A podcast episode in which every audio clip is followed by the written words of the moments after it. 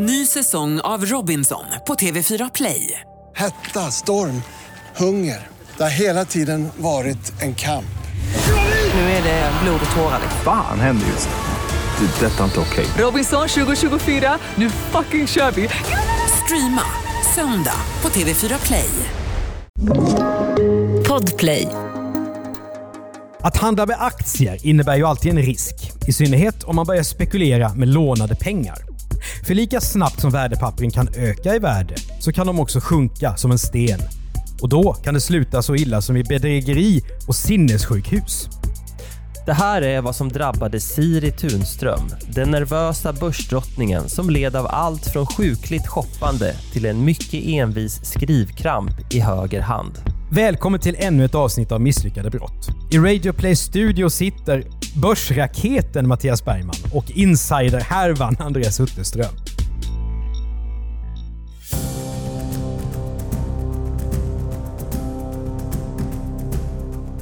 År 1919 faller en unik dom i Stockholm. Vad som idag motsvarar 30 miljoner kronor är borta. En ivrig börsspekulant har förlorat sin förmögenhet och blåst banker på pengar. Det är i sig spektakulärt, men vad som verkligen sticker ut här är att det handlar om Siri Tunström, en kvinna. För vid den här tiden är kvinnor närmast andra klassens medborgare. Det här är faktiskt året då Sveriges riksdag klubbar beslutet om kvinnlig rösträtt. Många tidningsläsare måste därför ha fascinerats och förfärats av historien om Siri. Kanske tänkt att så här går det när fruntimmer tror att de kan räkna. Men vem är den här kvinnan egentligen? En kallhamrad brottsling som kalkylerat har blåst banker på pengar för att finansiera sitt lyxliv? Ja, på ett sätt. Men Siri Tunström är en betydligt mer komplicerad person än så. Det är såklart när vi läser den grundliga förundersökningen om hennes karaktär. Idag kallas det här för personutredning. Men syftet är detsamma då som nu. Att hjälpa domstolen att döma ut ett lämpligt straff. Vad står det då om Siri i alla de här breven från människor som har träffat henne genom hennes liv? Vi tar det från början. Siri Tunström föds den 15 juni 1872 i Norrköping. Tre månader senare dör kung Karl XV och hans bror Oscar II tar då över som kung av både Sverige och Norge. Stora krig ligger bakom oss och industrialiseringen har dragit igång. Sverige är på väg från bondesamhälle till något nytt och okänt. Ungefär som vi idag inte riktigt kan överblicka vart digitaliseringen kommer att leda oss. Det är väldigt Herman Lindqvist det här. Ja, här du, här Jaha. har jag släppt loss min, Ja, min ja, eh, gömda historiker. Men det är ju liksom en Fröken Friman-period om man ser till stilen och borgerligheten och så. Ja, det är det verkligen. Och Mm. det som vi snart ska se och som är så fascinerande, det är ju att hon har ju ett enormt underläge i det, i, eftersom hon är kvinna. Men ändå så kommer de både lyckas och misslyckas med eh, stora saker. Ja, för det här är ju en tid där kvinnor ska tjäna sin man och ibland då uppfostra sina barn mer eller mindre hårdhänt. Men 1872, samma år som Siri föds, inträffar ändå något unikt på jämställdhetsfronten. Sverige får då sin första kvinnliga student, Betty Pettersson i Visby. Men allt är inte politik. 1872 är också året då de schweiziska bröderna Cloetta blir först i Sverige med fabriksmässig chokladframställning.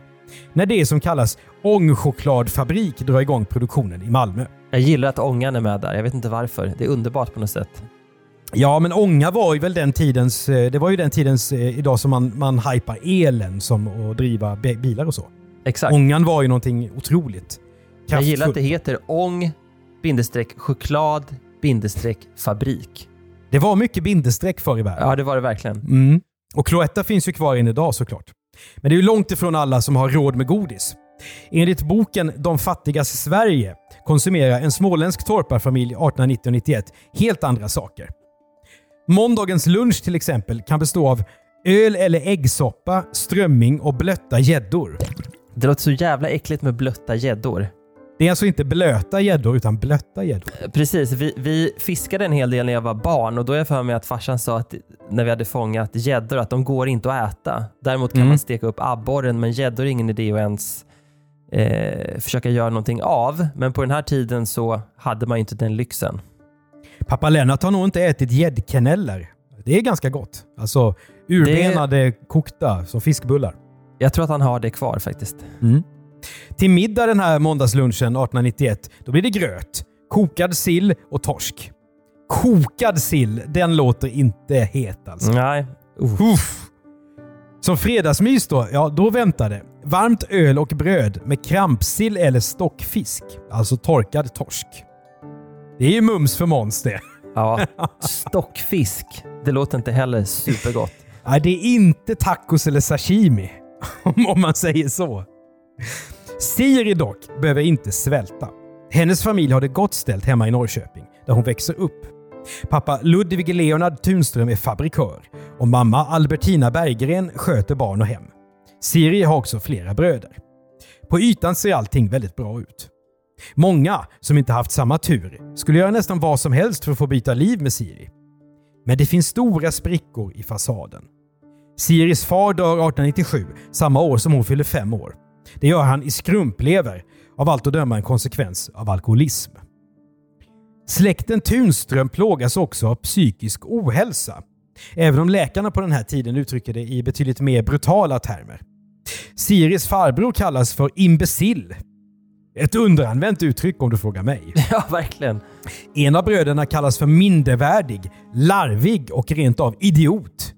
Oförmögen att försörja sig själv och därför som det heter inackorderad på landet. Ja, och vad är då det? Jag misstänker att man har skickat ut honom till någon bonde där han blir mer eller mindre slav faktiskt.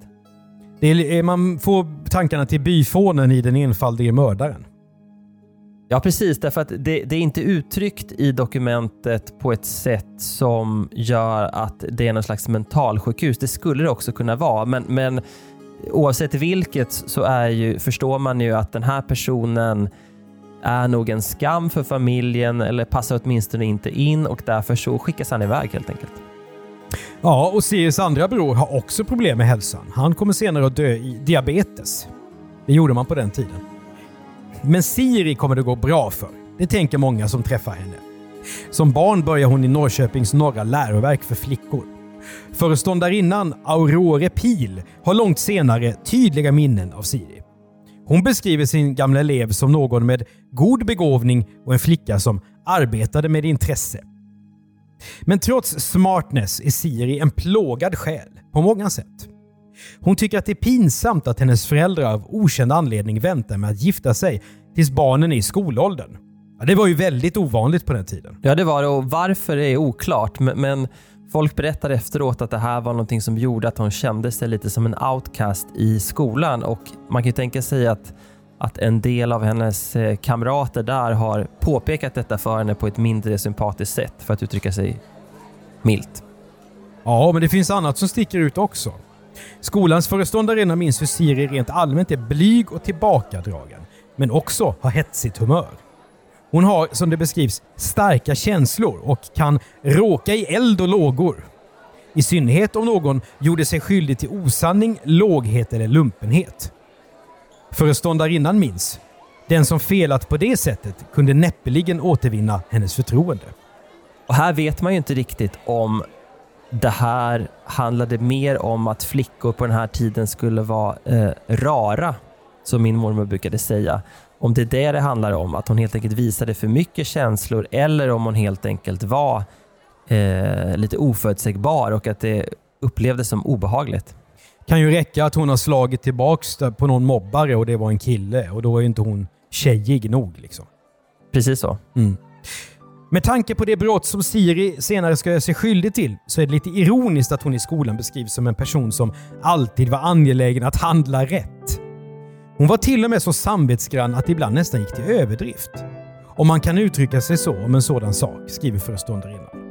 Hon lyfter också fram hon var en riktigt bra skolflicka, både då det gäller arbete och goda seder.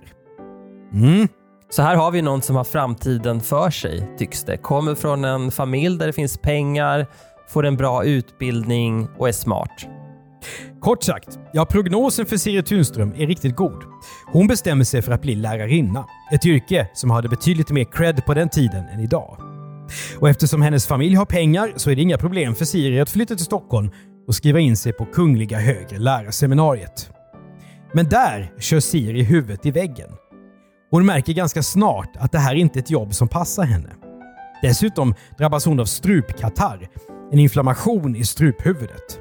Därför flyttar Siri tillbaka hem. 1891 börjar hon jobba som bankbiträde på Norrköpings Enskilda Bank där hon har en släkting som är kamrerare. På banken blir Siri populär. Hon är en arbetsmyra som beskrivs som snäll, godhjärtad och hjälpsam. Men hennes jobbliv är ändå problematiskt. Idag skulle man nog säga att Siri är en duktig flicka med lite psykisk ohälsa och att hon bränner ut sig. Men på den här tiden talar man om att kropps och själskrafter är fullständigt nedbrutna och att hon är mycket klen. Den gamla föreståndarinnan från skolan beskriver Siri vid den här tiden som till den grad nervös att jag verkligen fruktade för hennes förstånd. Men här har ju hänt någonting, Andreas. Hon är 19 år här och kan hon ha utvecklat någon form av sjukdom under tonåren? Det finns ju psykisk ohälsa i släkten och sen så är hon ju, det ska visa sig senare, hon är ju ingen lagspelare. eh, och eh, sociala kontakter är svårt. Så att idag hade hon ju fått väldigt mycket hjälp av psykiatrin och det kommer visa sig senare här sen att, att folk försöker verkligen hjälpa henne men jag tror att man saknade rätt redskap vid den här tiden. Då blir det liksom hon är klen och, och, och sådär som man beskriver, man beskriver henne. Jag tror att man, man ville väl men visste inte hur man skulle hantera den här typen av eh, människor och det var nog svårt att hitta sin plats om man var lite nervöst lagd, i synnerhet då om man var eh, kvinna kan jag tänka mig.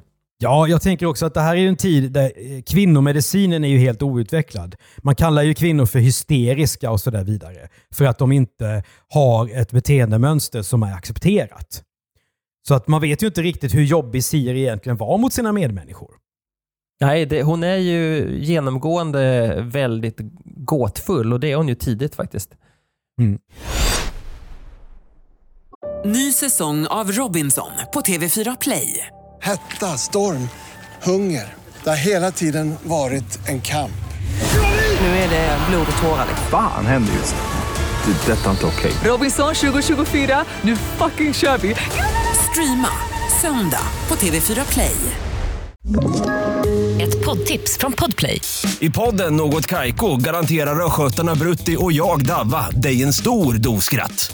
Där följer jag pladask för köttätandet igen. Man är lite som en jävla vampyr. Man har fått lite blodsmak och då måste man ha mer. Udda spaningar, fängslande anekdoter och en och annan arg rant. Jag måste ha mitt kaffe på morgonen för annars är jag ingen trevlig människa. Då är du ingen trevlig människa, punkt. Något kajko, hör du på podplay. Därför är gardinerna. Hur som helst så tar hon nu time-out från jobbet. För det har hon till skillnad från de flesta andra svenskar råd med. Men nu börjar hon dessvärre isolera sig från omvärlden. Hon drabbas av basilskräck och byter sängkläder varje dag.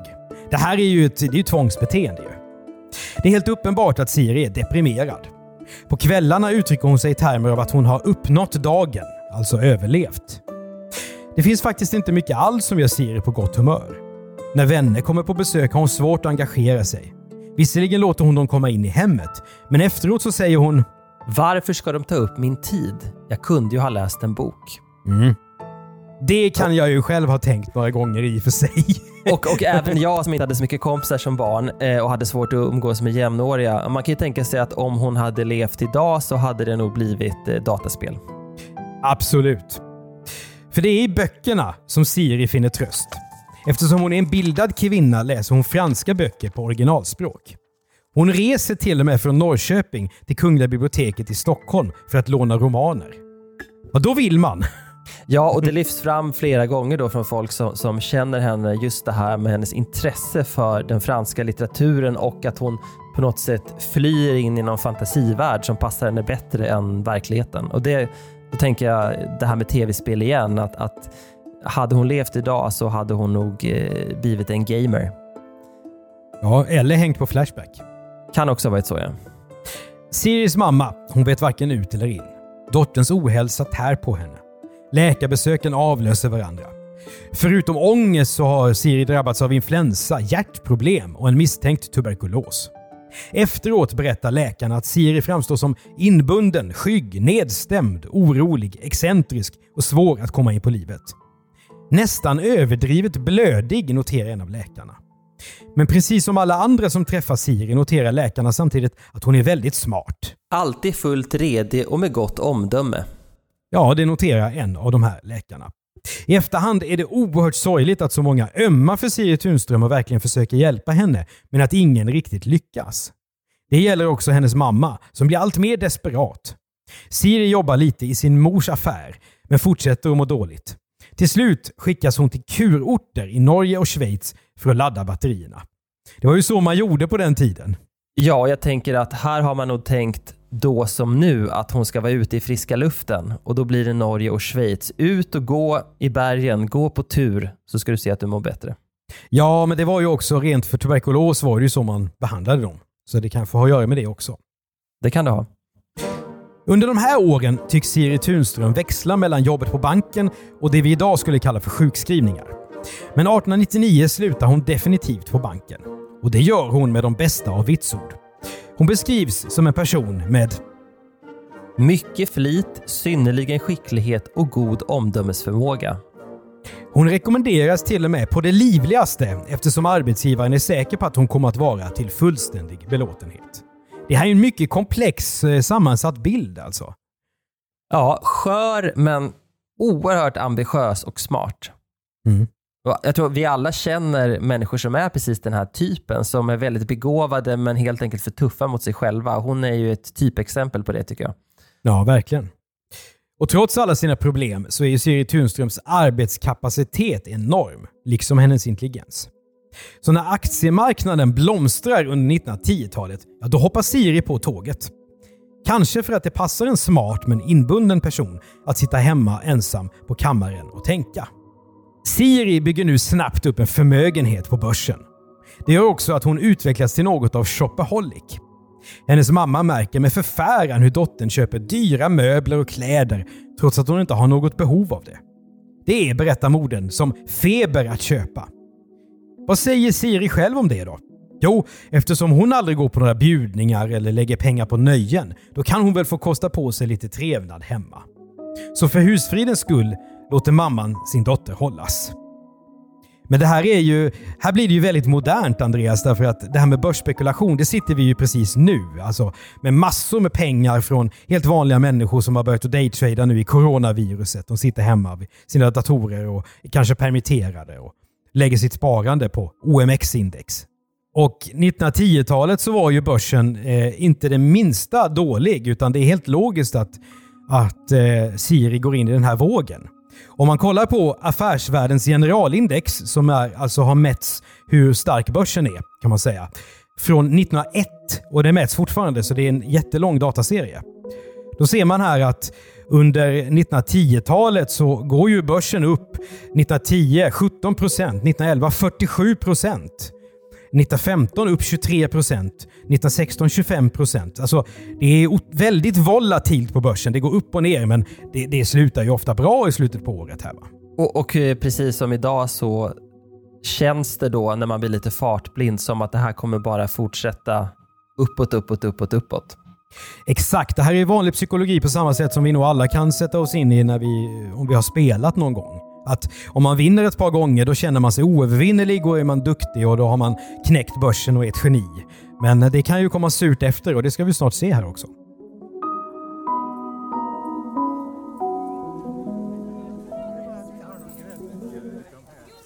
Till slut verkar relationen mellan mor och dotter Tunström bli ohållbar.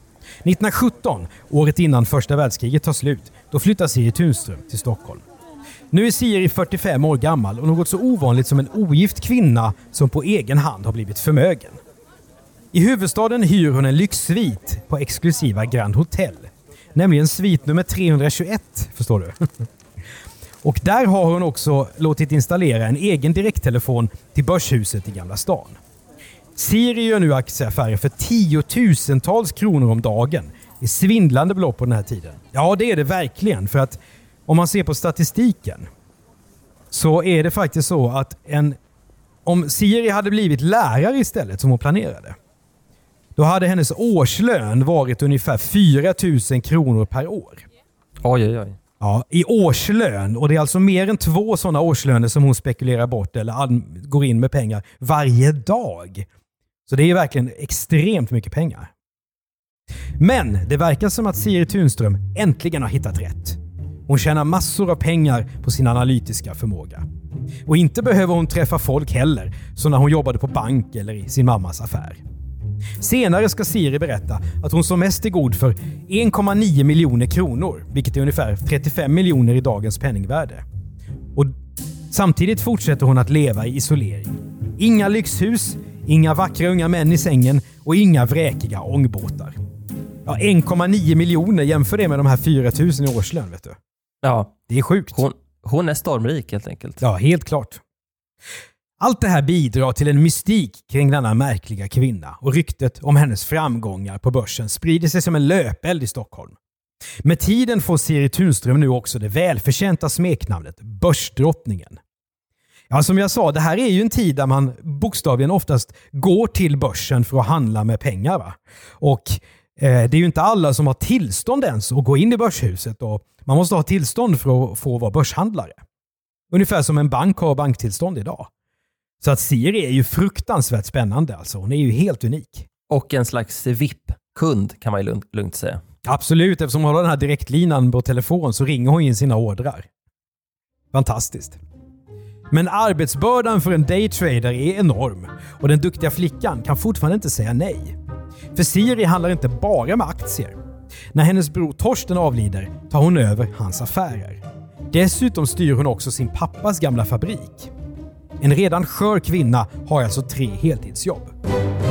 Och även om Siri varken har make, barn eller några nära vänner så är situationen såklart ohållbar.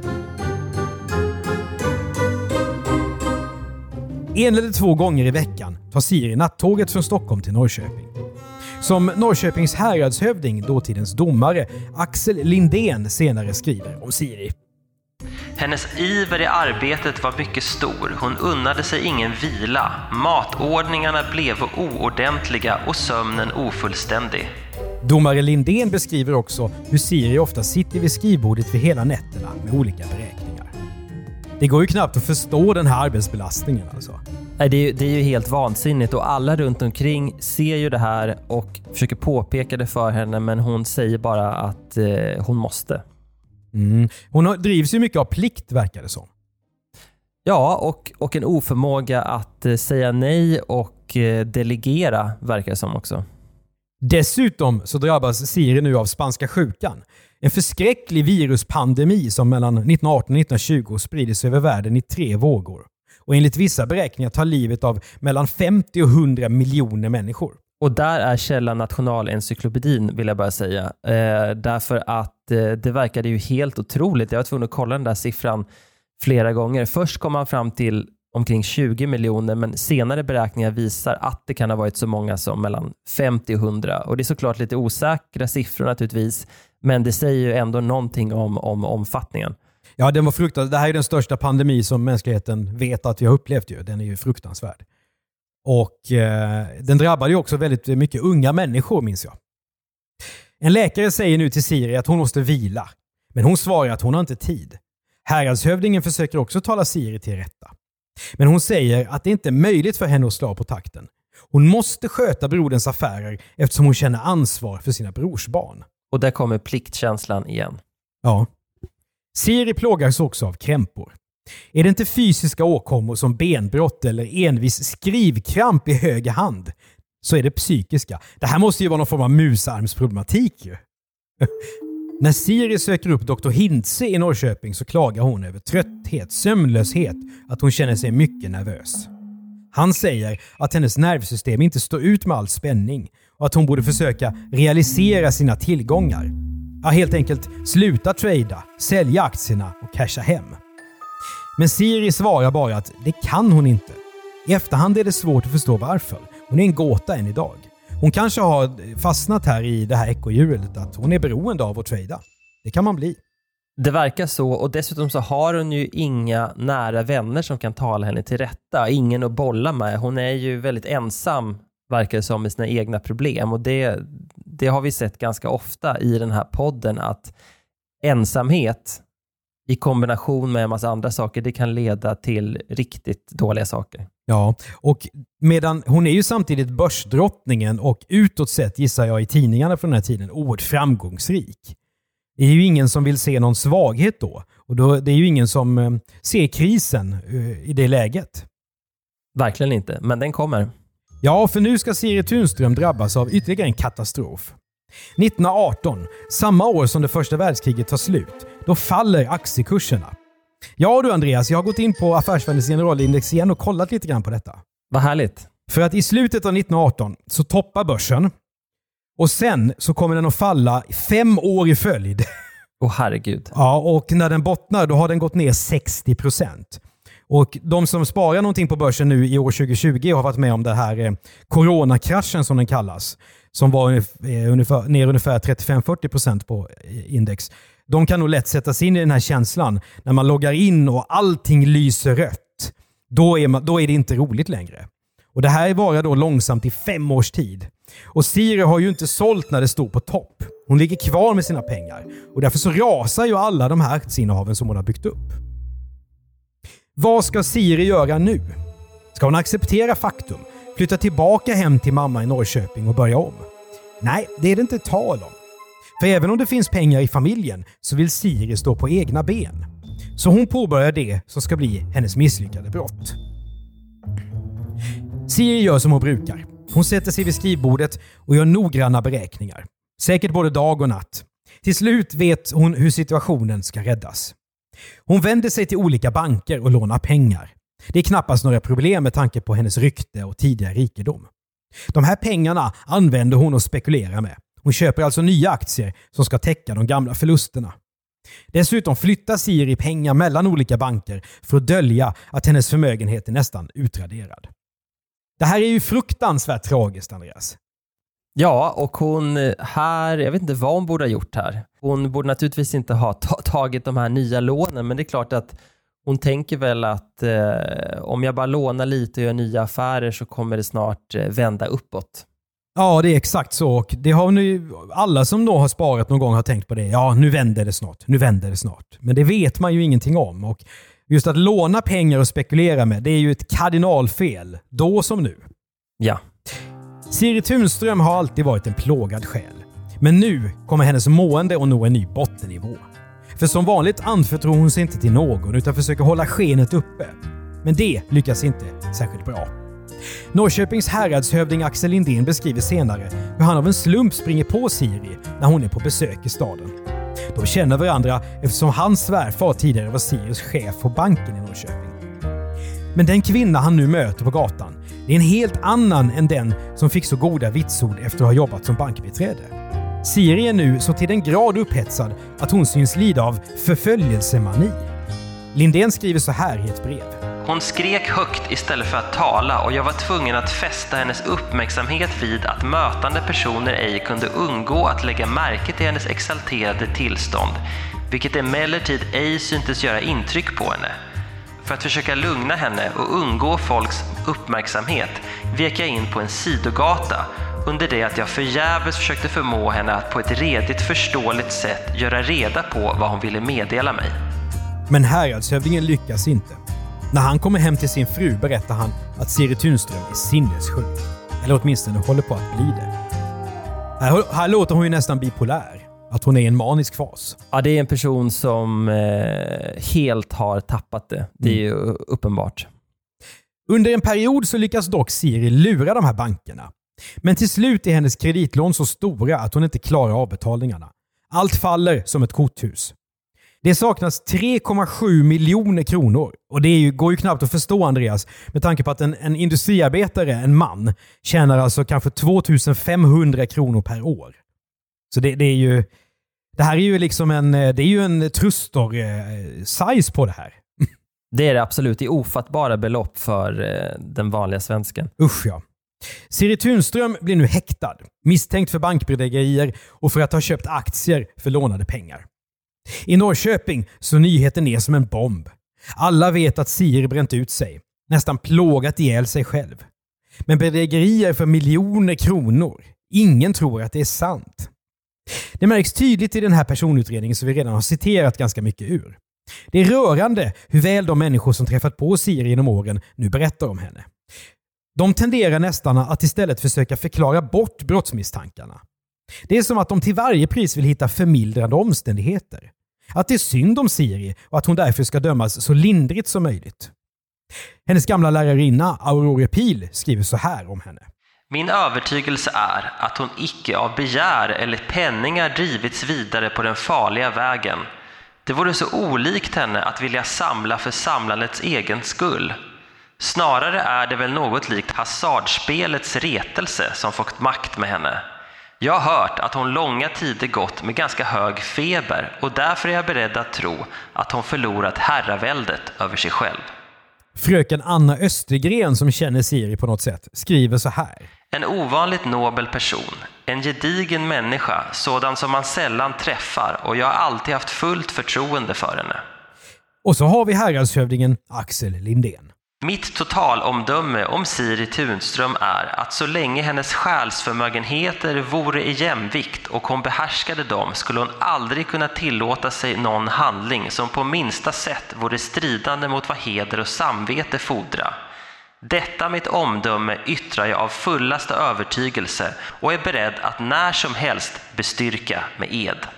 När en assistent i skyddsvärnet som arbetar med utredningen träffar Siri Tunström i häktet ber han henne att skriftligen beskriva sitt liv. Han får till svar att hon inte förmår samla sina tankar. Erkänner brott, det gör hon inte heller. Siri vägrar till och med att fylla i en blankett som han ger henne. När hon till slut gör det ändå så stryker hon över ordet brottet och skriver istället med sin snirkliga handstil “checkarnas dragande”. Ja, vilken förnekelse! Och här fogar hon sig i en lång rad av misslyckade brottslingar. Ja, och eh, precis, det saknas helt sjukdomsinsikt här och hon är nog väldigt säker på, tror jag, att det här ska hon kunna reda upp ändå. Ja, Siri går så långt att hon ber att få ringa sin advokat så att han kan hjälpa henne att försättas på fri fot. Så att hon kan fortsätta sina aktieaffärer och betala av sina skulder. Siri vill alltså fortsätta ner i den destruktiva spiral av dåliga affärer som gjort att hon gått från en lyxsvit på Grand Hotel till en häktescell. Men istället blir det en segdragen rättegångsprocess som slutar med att Siri Tunström döms till straffarbete för bedrägeri. Men läkarna menar att hon är mentalt instabil och istället blir det vård på mentalsjukhuset Konradsberg i Stockholm. Konradsberg är dock inte lika hemskt som det låter. Sjukhuset är en modern anläggning. Enligt idéhistorikern Roger Kvarsell hade många av patienterna där det bättre än vad de hade haft hemma.